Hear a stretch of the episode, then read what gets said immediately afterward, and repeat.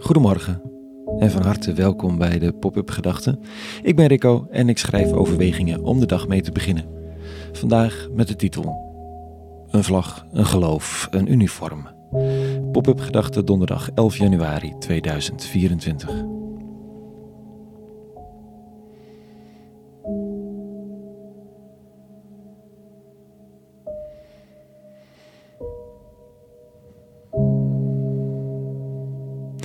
De briljante Britse comedian Eddie Izzard had het over wat hij het sluw gebruik van vlaggen noemde.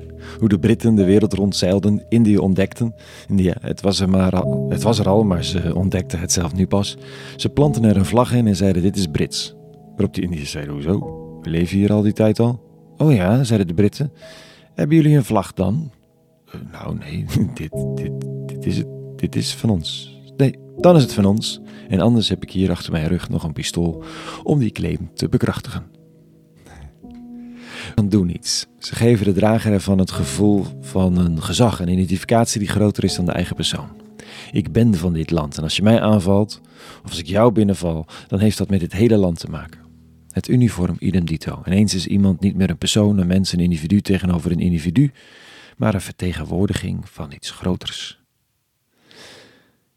Vandaag in de lezing de neiging van duizenden jaren geleden en misschien wel net zo springlevend vandaag om geloof precies zo te behandelen. Dat is een vlag, een uniform, een partij om voor te strijden. Een, een, een wapen om je achter te verschuilen, een land om te dienen, een macht die hoog gehouden moet worden, koste wat het kost. En volgens de oude teksten gaat de God van Abraham en Isaac en Jacob daar niet zomaar in mee. Vandaag in de lezing dus een oorlog van duizenden jaren geleden. Israël tegen de Filistijnen staat er. Klinkt als vandaag. Goed, andere machtsverhoudingen dan vandaag, maar een oude strijd. En omdat Israël de strijd aan het verliezen was, bedachten ze een list. Het leger liet de ark van het verbond uit Silo overbrengen.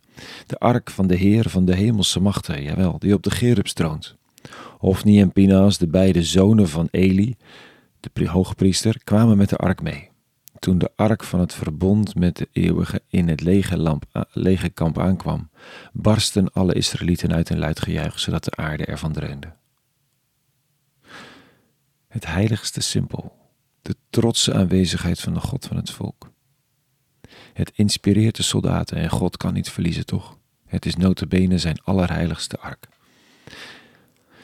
En voor de mensen die het verhaal kennen, het leger van Israël wordt in deze verpletterend verslagen en de ark buitgemaakt. Klaar met de vlag, het uniform en dus ja, het geloof. Want de God bleek zwak, de identiteit niet sterk genoeg. Ze hadden geen vlag meer, geen God meer. Klaar.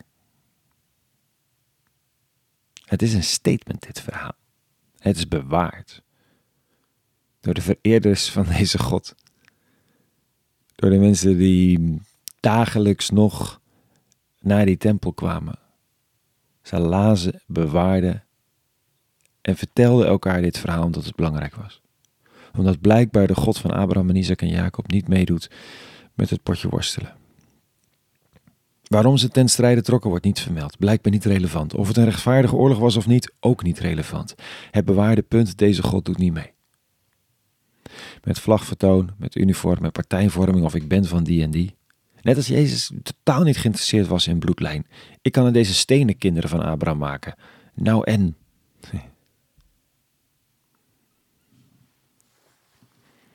Wat aardig aan dit verhaal is, dat is dat de buitengemaakte ark dan opeens wel weer een blok aan het been wordt als het is buitengemaakt. Het brengt ongeluk en goden tempels waar de ark wordt bewaard ontwaren problemen en uiteindelijk moet die ark dan toch maar weg. Ofwel, die hele ark heeft helemaal geen volk nodig. Die God heeft geen volk nodig om zijn eigen gang te gaan. En de vraag is niet of wij met die naam van die eeuwige ons krachtig voelen of gesteund of bewapend, zo van ik ben christen of gelovige of ik ben iemand. Of ik ben van de kerk of van de waarheid of welke identiteit dan ook. Het is andersom. Volg ik die ark nog een beetje die de eigen gang gaat? Wordt duidelijk in wat ik doe dat ik de liefhebbende schepper van de wereld een beetje aan het dienen ben?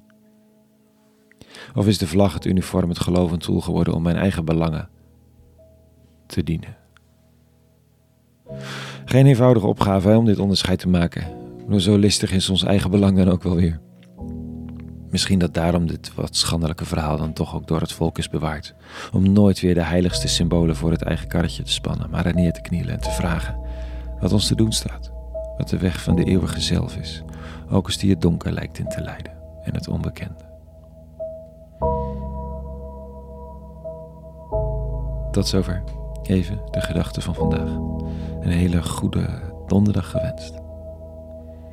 En vrede, echte vrede en alle goeds.